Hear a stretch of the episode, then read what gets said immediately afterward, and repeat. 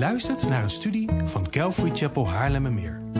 We bidden dat de Heer tot je zal spreken en je zult groeien in jouw persoonlijke relatie met de levende God. Bezoek voor meer informatie onze website calvarychapel.nl. Dat is C-A-L-V-A-R-Y-C-H-A-P-E-L.nl. Vanmorgen pakken wij de preekserie Route 66 op. Uh, voor degenen die niet weten wat dat is. Het is een, uh, een preekserie waarin we elk Bijbelboek met elkaar een vogelvlucht doornemen. Om zo de Bijbel beter te leren kennen, maar ook de verbanden in de Bijbel. Om uh, Christus ook te gaan ontdekken in de oud-testamentische boeken. En om zo God beter te leren kennen. En zo dat Christus ook steeds meer gestalte in ons zal krijgen.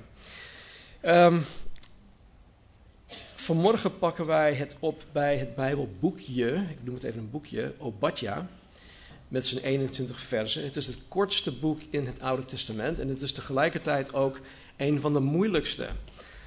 Um, dus ja,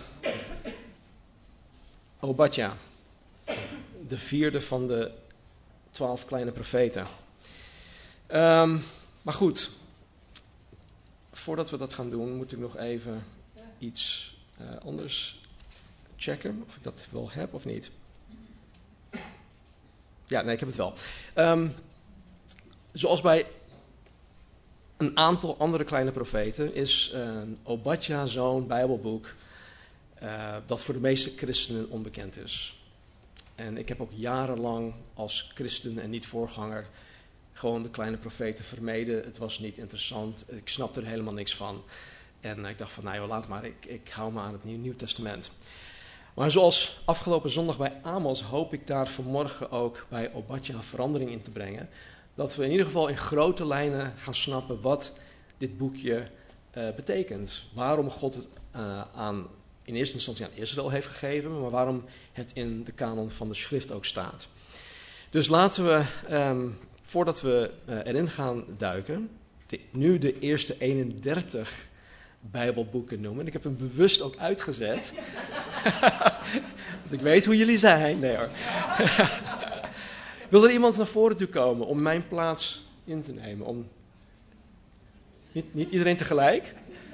Nee? Oké, oké. Okay. Vol, volgende week. Volgende week, oké? Iemand.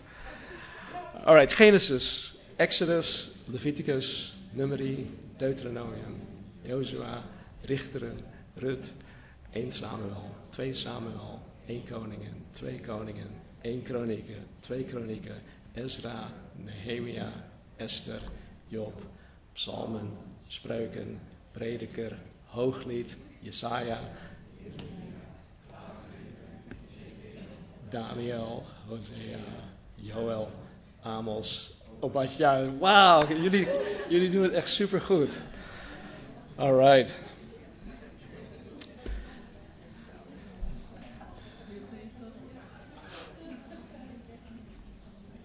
Ik geef dit waarschijnlijk tot uh, vervelendheid aan toe elke keer weer aan. Um, maar zoals ik al ja, meerdere malen heb aangegeven, sinds wij in de profeten zitten, hebben de profeten uh, hun bediening uitgevoerd tijdens uh, deze periode. En ik raad jullie dan ook echt aan om wanneer je de profeten leest, en dit is echt het allerminst wat we kunnen doen om het te kunnen snappen, de relevante passages um, in de in geel gekleurde boeken raadpleegt. En want dat is nodig om, uh, voor onder andere de context, het is nodig voor de, voor de achtergrond. En wat ik net ook zei, dit is echt het allerminst wat wij kunnen doen om iets meer duidelijkheid te krijgen um, van de profeten. Als je dit niet doet, dan blijf je eigenlijk in het duister tasten over waar de profeet het heeft. Ook loop je het gevaar dat je zaken uit zijn context gaat halen en dingen gaat toepassen op bijvoorbeeld de kerk, die alleen eigenlijk toepasbaar zijn op, op, de, op, op Israël. En dit is niet Gods bedoeling, het was ook niet Gods bedoeling toen en dit is ook niet Gods bedoeling nu. En vanwege de verschillende meningen hierover, niet wat ik net zei, maar uh, over wat ik nu ga zeggen, is het niet exact aan te geven wanneer um, Obadja geschreven is. Dus het is niet exact aan te geven waar de achtergrond en context voor Obadja te vinden is. Er zijn verschillende meningen daarover. Ik wil twee mogelijkheden voorstellen. En dat zijn deze. En je kunt kijken naar de periode van uh, Juda's koning Jehoram van ongeveer 48 voor Christus. En dit is te vinden in 2 Koningen hoofdstuk 8 vers 20 tot en met 22 en in 2 Kronieken 21 8 tot en met 20. Als jullie um, deze informatie willen hebben en je kan het niet allemaal op tijd opschrijven, ik heb ze op slides, ik heb ze op mijn notities, dus je kan altijd uh, naderhand vragen, wat, wat was het ook alweer? Um, je kunt ook kijken naar de periode toen Nebukadnezar, de koning van Babel, Jeruzalem veroverde en geheel verwoestte in 586 voor Christus. Wat te vinden is in 2 Koningen 24 en 25, in die twee hoofdstukken. En in beide gevallen maakte Edom zich schuldig aan een aantal dingen die Obadja hier in zijn profetie noemt. Maar in mijn optiek, in, dit is mijn mening, ik deel mijn mening ook met anderen, is de eerste mogelijkheid van ongeveer 48 voor Christus meer aannemelijk. En als je wil weten waarom ik dat vind, dan kan je me ook naderhand uh, vragen. Dus persoonlijk kijk ik dus, um, uh, of kies ik dus eigenlijk voor een, een vroege datering van Obadja rond 48 voor Christus, wat hier onderaan staat in geel. Obadja is een bijzondere naam. Volgens mij zijn er twaalf verschillende Obadja's in het Oude Testament. En deze Obadja heeft niets te maken met die andere elf. Maar zijn naam betekent aanbidder of dienaar van God, van Yahweh. En dat is het enige wat wij van deze profeet weten. Zijn naam. Uh, hij begint zijn profetie met deze woorden. Het visioen van Obadja, zo zegt de Heere, Heere over Edom. Dus zijn profetie is, is, gericht, is voornamelijk gericht aan, aan Edom. En misschien vraag je jezelf af, ja maar wie is Edom dan? Wie is Edom nou weer? Nou, hier gaan we zo meteen naar kijken. Um, dus we komen daar nog op terug. Nou, Obadja is één hoofdstuk, bestaat uit 21 versen. Maar er bestaat wel een, een, een, een, indeling en die is vrij, vrij uh, makkelijk te maken. Um, het is als volgt. We hebben de opschrift in vers 1, begin, uh, aan het begin van vers 1. En dan zien we in vers 1 tot en met 9 dat Gods oordeel over Edom vaststaat. God heeft zijn besluit genomen. Het gaat gebeuren wat hier staat. Punt uit. Er valt niks meer aan te veranderen. In vers 10 tot en met 14 zien we de reden voor Gods oordeel. Dus waarom God Edom geheel uitgeroeid heeft. En dan in vers 15 tot en met 21 zien wij het effect van Gods oordeel en het uiteindelijk herstel van Israël en het herstel uh, of onder, onder uh, het koningschap van de Heer tijdens het millennium. Dus zoals we al met meerdere, uh, van meerdere profeten hebben gezien, het heeft een, een, een, een, een huidige of een toenhuidige boodschap, maar ze kijken allemaal vrijwel duizenden jaren vooruit naar het herstel van Israël en het um, duizendjarig rijk. En ik heb, die, ik heb het niet opgeschreven, maar um, ik gis nu, hè, dus, dus hou me er niet aan, maar ik gis dat er voor elke uh, oud-testamentische profetie waar Jezus dus de eerste keer zou komen als, als verlosser, als heiland, toen hij dus voor, voor, ons aan het kruis zou komen. Voor elke van die profetieën bestaan er iets van acht profetieën over zijn wederkomst. Dus ik, ik weet niet of, het is of acht of, of vijf. Maar goed, dat zal ik volgende week, uh, zal ik volgende week um, verifiëren. Um, dus wie was Edom? Wie was Edom? De Edomieten, dat waren nakomelingen van Esau. Um, en Esau was de zoon van Isaac en Rebecca. Isaac was de zoon van Abraham en, um, en Sarah. En Esau was tegelijkertijd ook de oudere tweelingbroer van Jacob.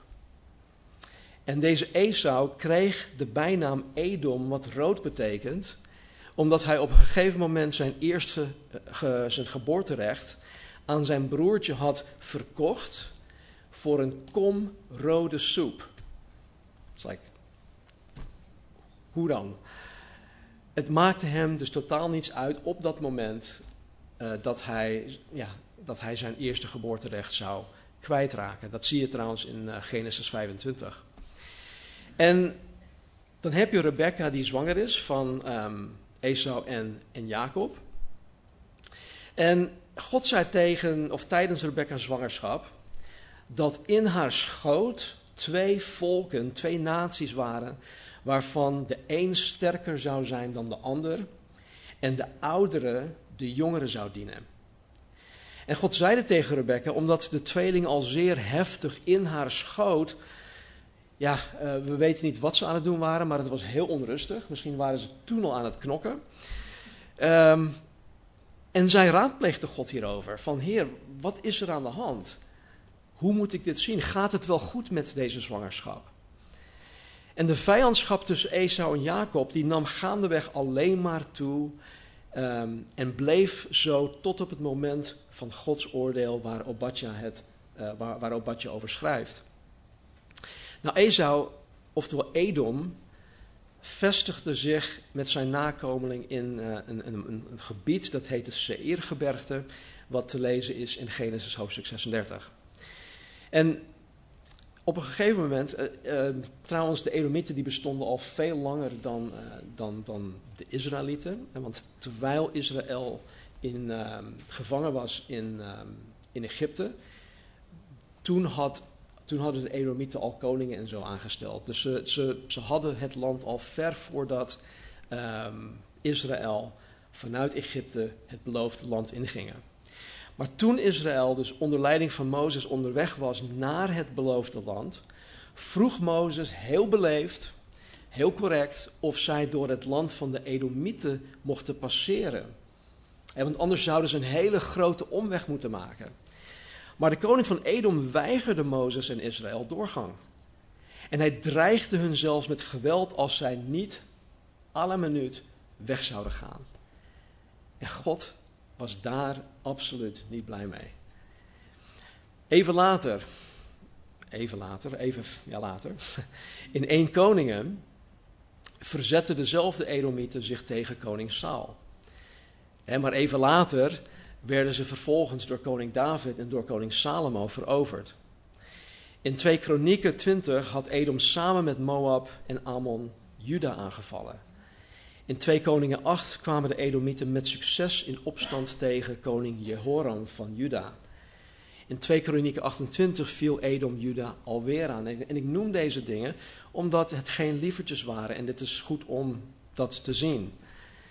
En niet voor niets dus had God de Edomieten uitgeroeid.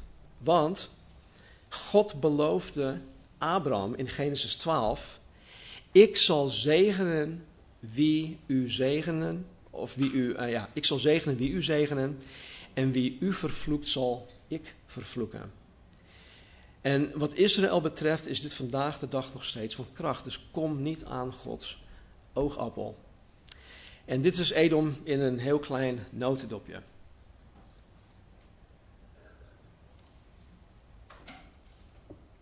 Voordat we de tekst inkomen, wil ik nog even iets zeggen dat wij, uh, waar we echt rekening mee moeten houden. En dat, is de, de dat zijn de, poëtische beelden die de profeten gebruiken. Uh, de profeten die schrijven in de genre van, van, van het poëtische. Bijvoorbeeld, wat ik vorige week in Amos niet had aangehaald, wat eigenlijk wel leuk zou zijn geweest, was een passage in hoofdstuk 4. toen hij het had over die vrouwen die hij koeien noemde, weet je het nog? Ja? Um, in dat gedeelte um, zegt, hij tegen, zegt God tegen de vrouw van Israël dat hij hun schone tanden heeft gegeven in al hun steden. Nou, God heeft niet een hoop mondhygiënisten naar uh, Israël toegestuurd, nee. Maar er staat gewoon, hij heeft hun schone tanden gegeven in al hun steden. En met, met, met schone tanden bedoelt de profeet dat God hun niet had voorzien in eten. Wanneer horen wij onze tanden te poetsen? Na het eten toch? En voordat we naar bed gaan. Dus als je eet, moet je je tanden poetsen. En als je niets eet, dan niet. Want dan zijn je tanden als het ware schoon. Dus door te zeggen, God heeft hun schone tanden gegeven, dat betekent gewoon, hij heeft hun niet laten eten. Ja, dus dat is beeldspraak, het is poëtisch. Daar moeten we echt, echt rekening mee houden. Oké, vers 1 en 2. Het visioen van Obadja. Zo zegt de Heere, Heere over Edom. Een bericht hebben wij gehoord van de Heere. En een gezant is uitgezonden onder de heidevolken. Sta op. Laten wij tegen Edom opstaan ten strijde. Zie, ik heb u klein gemaakt onder de heidevolken. Diep veracht wordt u. Tot zover. In dit vers zien we dat de Heere andere landen opgeroepen had om tegen Edom te strijden, om Edom gering te maken onder de andere volkeren. En dan zo erg zelfs dat zij diep veracht werden onder andere volkeren. En je zou dat kunnen vergelijken met hoe uh, Vladimir Poetin op dit moment in de geschiedenis veracht wordt door zoveel andere landen. Vers 3 en 4. De overmoed van uw hart heeft u bedrogen. Hij die woont in de rotskloven, in zijn hoge verblijfplaats. Hij die zegt in zijn hart: Wie zal mij neerhalen naar de aarde?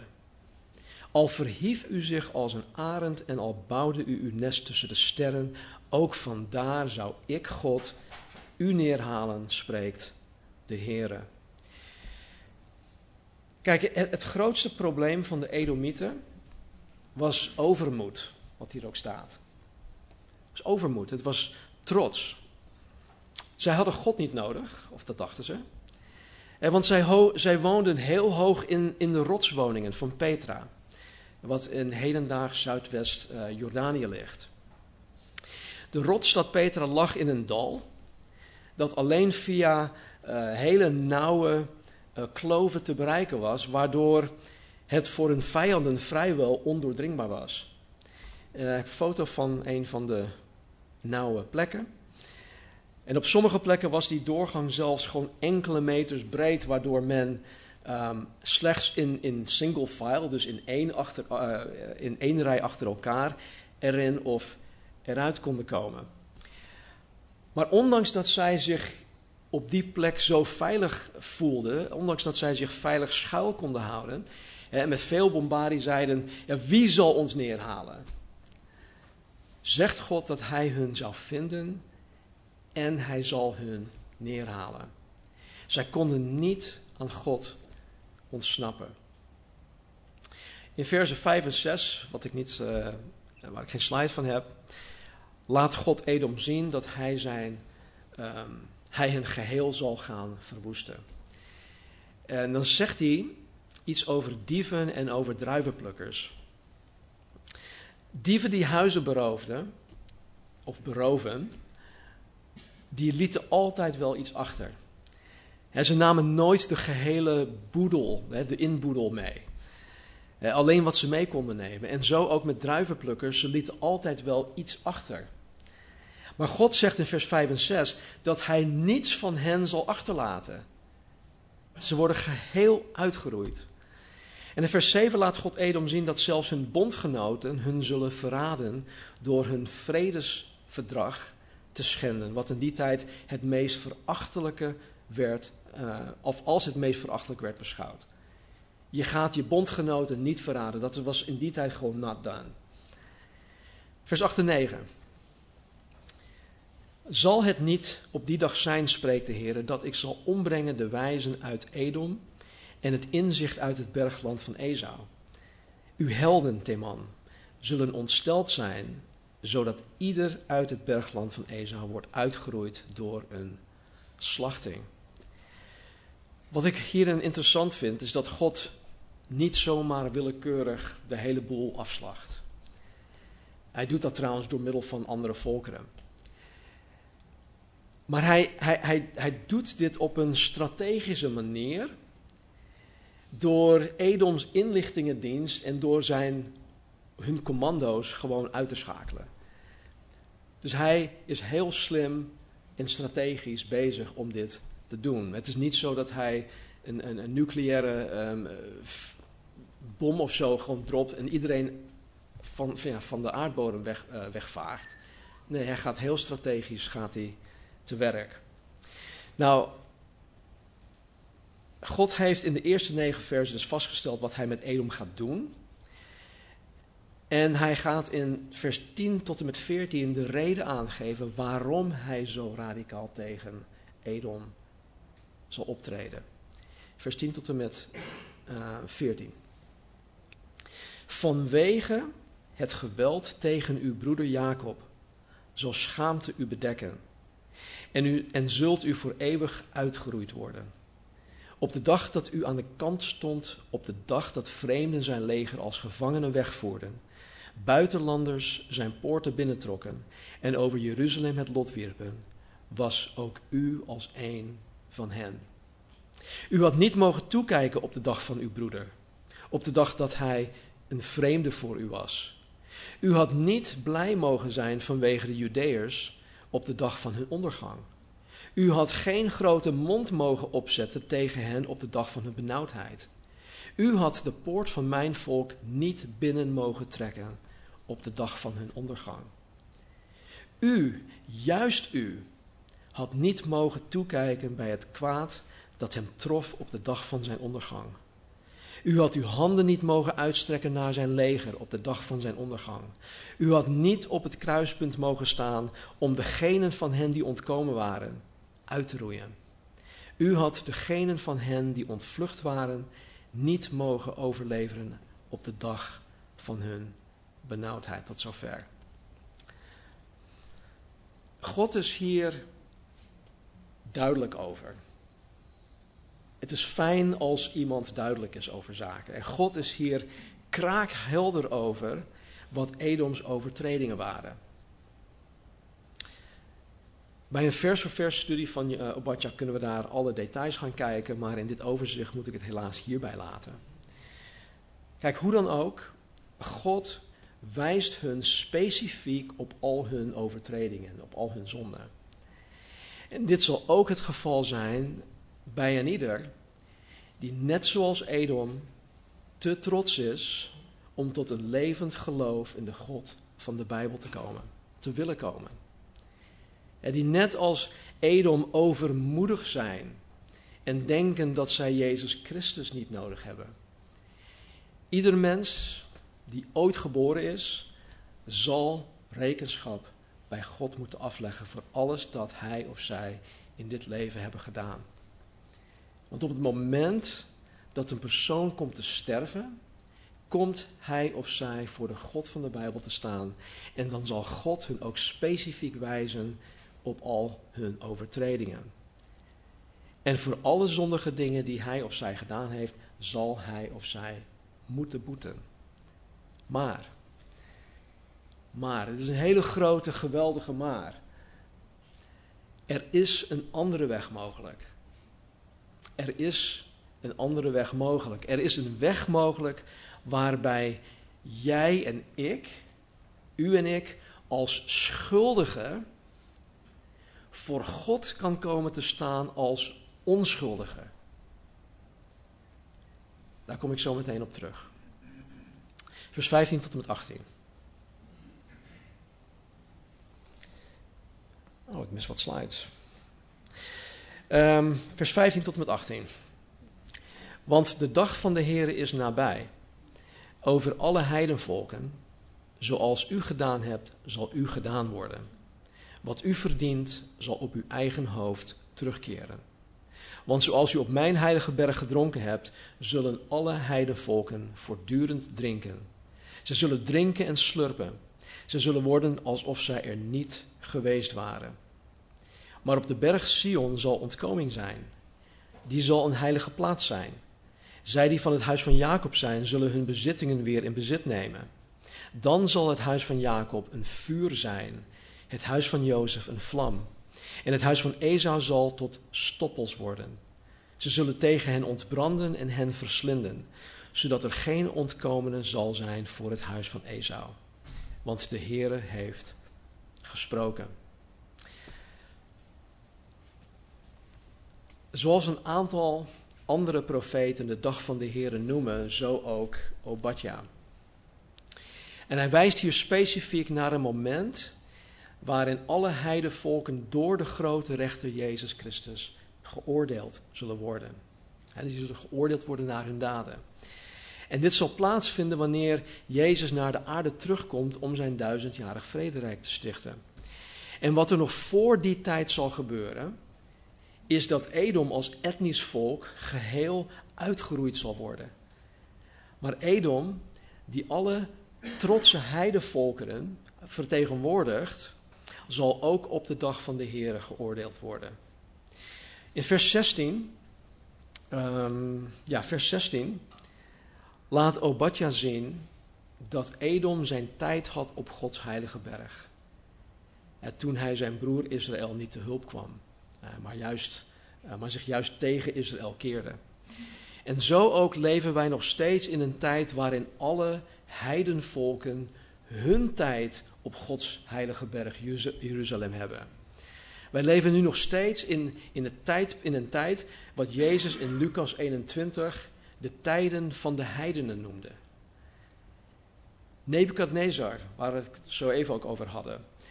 Hij nam Israëls soevereiniteit in 586 voor Christus van haar weg. En dit zal zo blijven totdat Jezus terugkomt en Israël haar soevereiniteit herstelt. Maar in de tussentijd wordt Jeruzalem door heidenvolkeren eh, vertrapt. Dat zegt Jezus in Lucas 21. En zoals Edom zullen ook zij die, uh, de, de beker van Gods toorn gaan drinken, dus de heidenvolken. En dan staat er dat zij zullen worden alsof zij er niet geweest waren. God gaat ook alle goddeloze heidenvolken uitroeien. Zij zullen verdwijnen. Daarentegen, in vers 17 zal Jezus Christus het huis van Jacob, dat wil zeggen Israël, alles in bezit laten nemen wat God duizenden jaren daarvoor voor Israël had weggelegd, had beloofd. De laatste verse, ik weet niet wat mijn slides zijn gebeurd, maar ik heb geen slides, 19, 19 tot 21. Het zuiderland zal het gebergte van Esau in bezit nemen. En het laagland het gebied van de Filistijnen. Ja, zij zullen het gebied van Ephraim en het gebied van Samaria in bezit nemen. En Benjamin dat van Gilead. En de ballingen van dit leger van de Israëlieten zullen dat wat van de Canaanieten was, tot aan Zarfat in bezit nemen. De ballingen van Jeruzalem die in Sefarat zijn, zullen de steden van het zuiderland in bezit nemen. Verlossers zullen de berg Sion opgaan om het bergland van Esau te, te oordelen. En het koningschap zal van de Heere zijn. Einde Obadja. Nou, het is niet mogelijk om in dit overzicht in te gaan op alle details, dat zijn er nogal veel. Ehm, ja, want het is sowieso om dit laatste gedeelte ook ehm, in, in, in ja, chronologisch te zien, in welke volgorde dat allemaal gaat gebeuren. Maar waar het op neerkomt en waar wij naar uitkijken, is dat het koningschap van de Heere zal zijn. Het koningschap zal van de Heere Jezus zijn. Er zal een moment in de toekomst aanbreken dat Jezus Christus zal terugkomen naar de aarde. En dan zal hij niet terug, terugkomen als het mak lammetje, maar hij zal terugkomen als een brullende leeuw, de leeuw van Juda. En hij zal in alle gerechtigheid hier op aarde regeren. En er zal onder zijn heerschappij, hier kijk ik zo erg naar uit, geen sprake zijn van onrecht. Er zal geen sprake zijn van onrecht, geen sprake van complotten of corruptie, machtsgrepen of oorlog of hongersnood. Geen sprake van een stikstofcrisis. Geen sprake van global warming of coronavirussen of vaccinaties. Of afstandsregels en ga zo maar door. Het zal een werkelijk utopie zijn. En daarom zeggen wij, Maranatha, Heer, kom spoedig alstublieft. Nou, nog even iets over de Edomieten. Door de millennia heen hadden zij hier en daar wat momenten van voorspoed. maar ze zijn uiteindelijk als etnisch volk geheel uitgeroeid. Er is nu niemand op aarde die kan beweren of die kan bewijzen dat hij of zij een Edomiet is. Dat is gewoon niet meer mogelijk. Daarom is het feit dat iemand kan aanwijzen en bewijzen dat hij een Jood is, een Israëliër, dat is gewoon iets bovennatuurlijks. Want er is geen enkel land die 2000 jaar lang geen um, thuisland had, die ineens weer teruggaat en die nog steeds hun etnische identiteit heeft behouden. Anyway.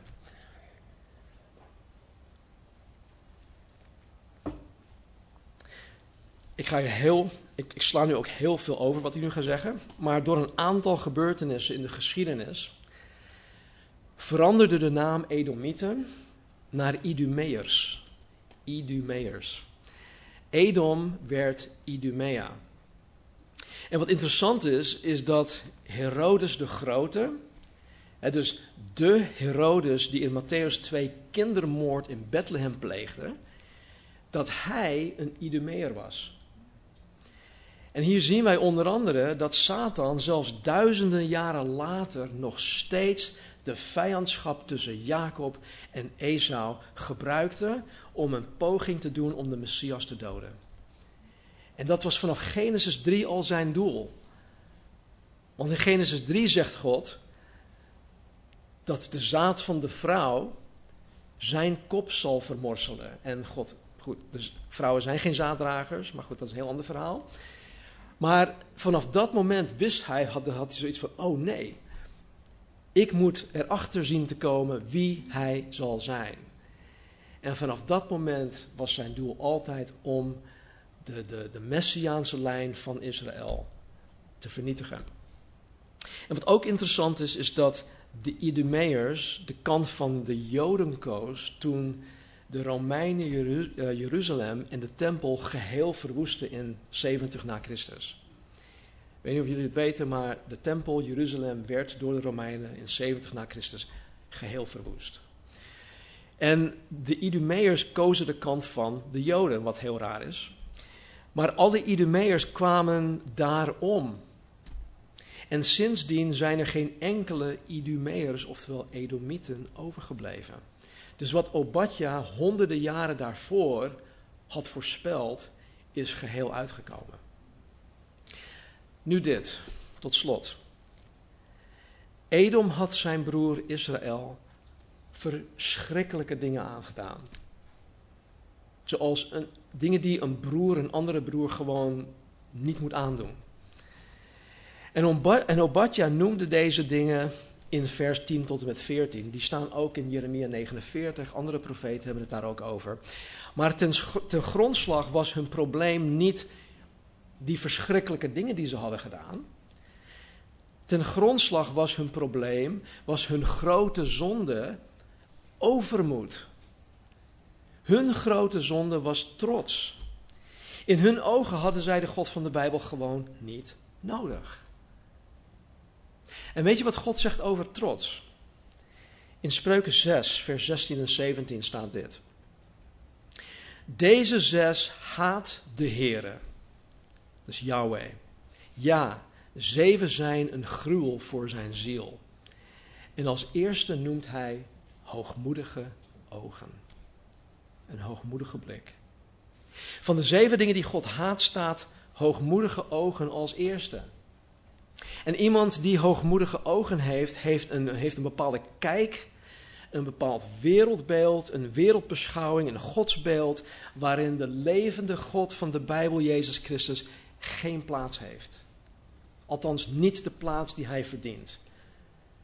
Ja, want er zijn genoeg mensen die, die, Jezus als historisch figuur een, een, een, aardig mens vonden, maar dat bedoel ik niet. Maar die Jezus Christus als redder, verlosser en meester zien en achter en navolgen. Die zichzelf weten te verlogen, hun kruis opnemen en hem navolgen. Dus dit is altijd het geval bij trots. En men zegt, ja, ik heb God niet nodig. En dat snap ik hier in de westerse wereld.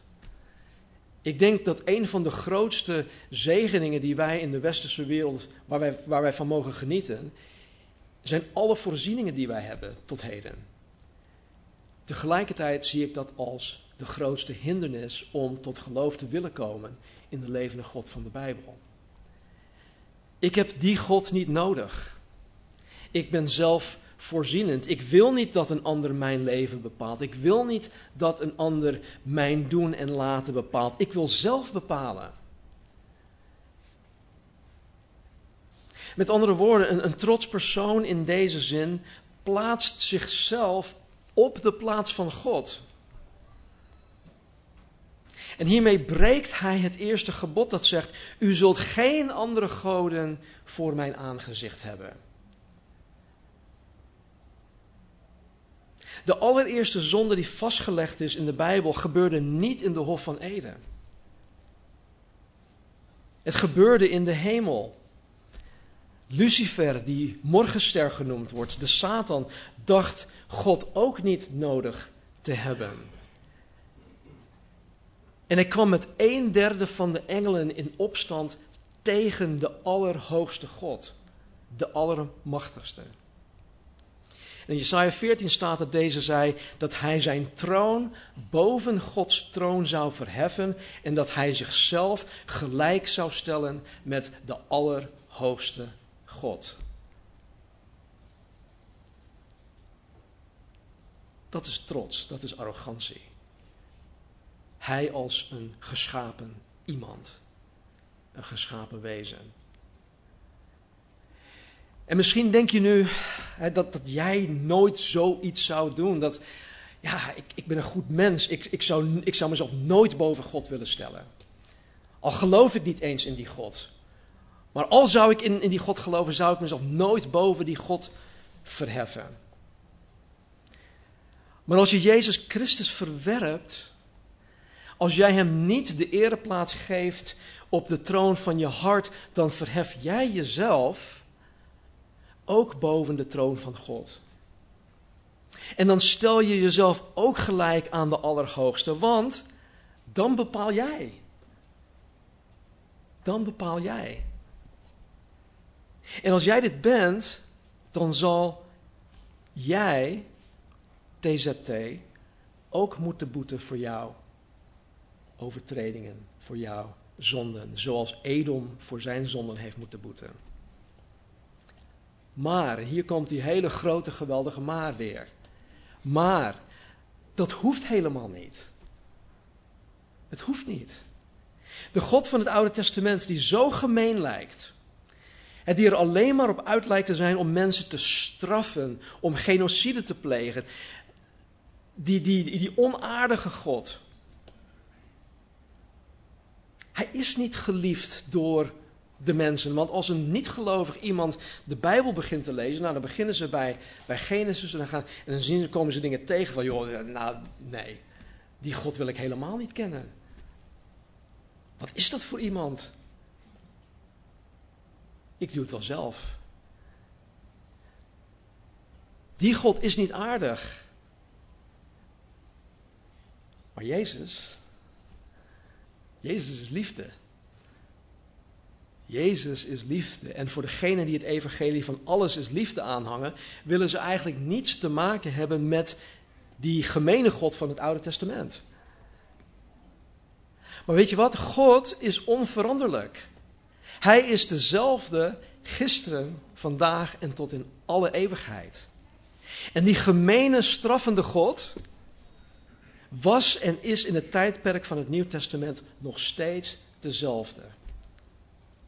Alleen nu heeft hij zijn oordeel, zijn straf, op Jezus gelegd. Op zijn geliefde zoon.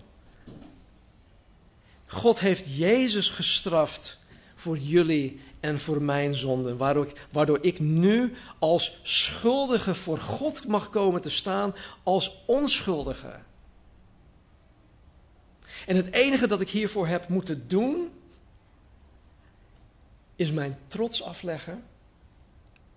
Beleiden dat ik een hopeloze zondaar ben zonder Hem.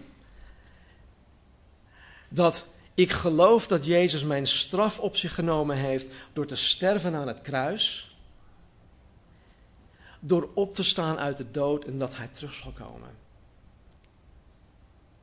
En als jij je op dit moment bekeert, dat wil zeggen dat jij anders gaat denken over Jezus Christus dan hoe jij tot nu toe, nu toe over Jezus Christus denkt of hebt gedacht.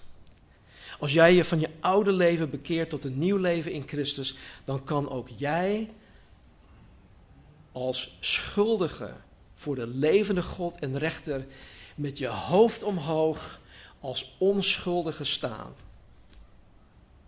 En staan zal je blijven.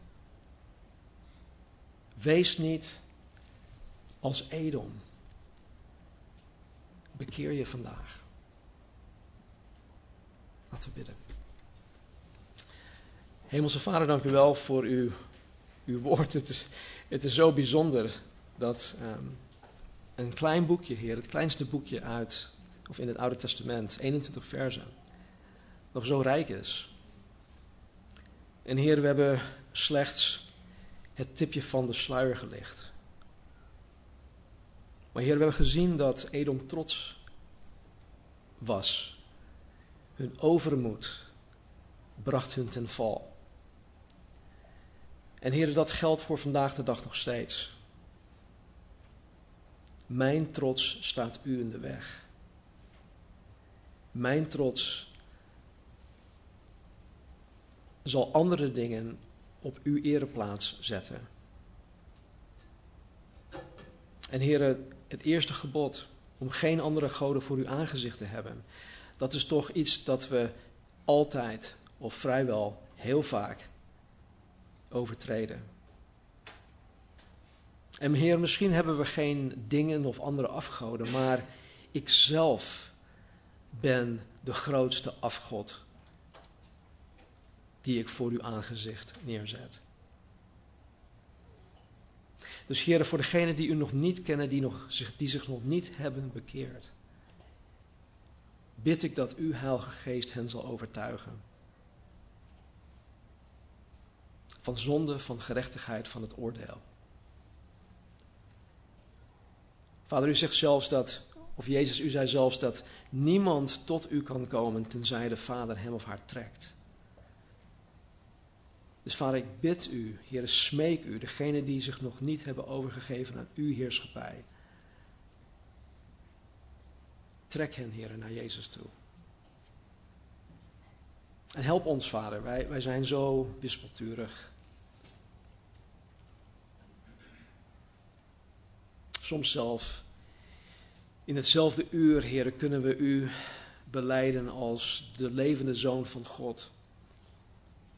En even later kunnen we u verlogenen.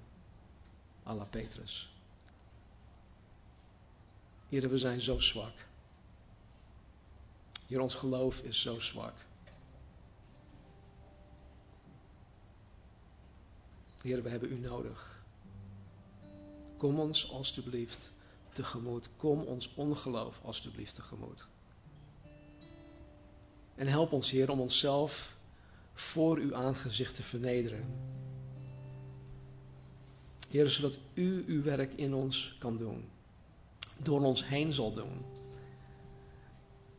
Zodat Jezus Christus gestalte in ons zal krijgen. Zodat wij van glorie tot glorie veranderd zullen worden naar het evenbeeld van Christus. Want wat hebben wij dat zo hard nodig, Heer? Wij hebben dat hier in onze gemeenschap nodig. Dank u wel dat u dit al aan het doen bent.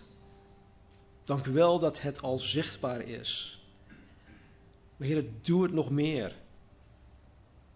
En Heer, de wereld om ons heen die heeft dit zo hard nodig.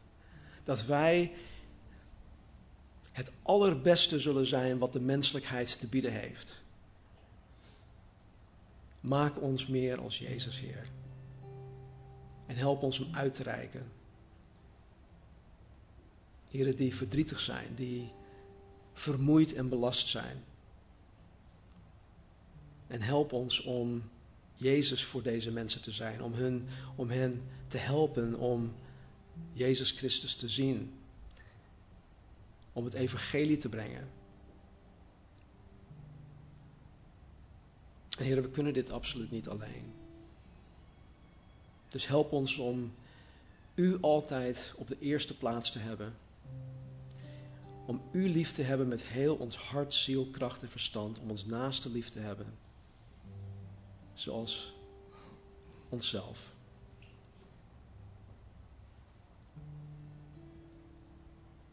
Dank u wel, Heer. We houden van u. We geven onszelf over. En bidden dat wij een gezegende week mogen hebben in u. Tot eer en glorie van uw naam. In Jezus' naam. Amen. Um, André zal nog een aantal liederen zingen. Er zullen wat mensen achter, uh, achteraan in de zaal uh, staan. Uh, met een roze of blauw keycord. Als je wil dat voor je gebeden wordt, met je gebeden wordt. Of als jij voor een van hun wil bidden, mag dat ook. Stap naar hen toe. Maak gebruik van die gelegenheid. Het is gewoon goed. Misschien uh, heb je iets waarvan je denkt van ja, maar ik wil niet alles vertellen. Maakt niet uit. Vraag gewoon, hey, bid voor mij. Of gebruik steekwoorden, dat kan ook nog. Maar doe het gewoon. En dan kom ik zo meteen nog terug om uh, af te sluiten.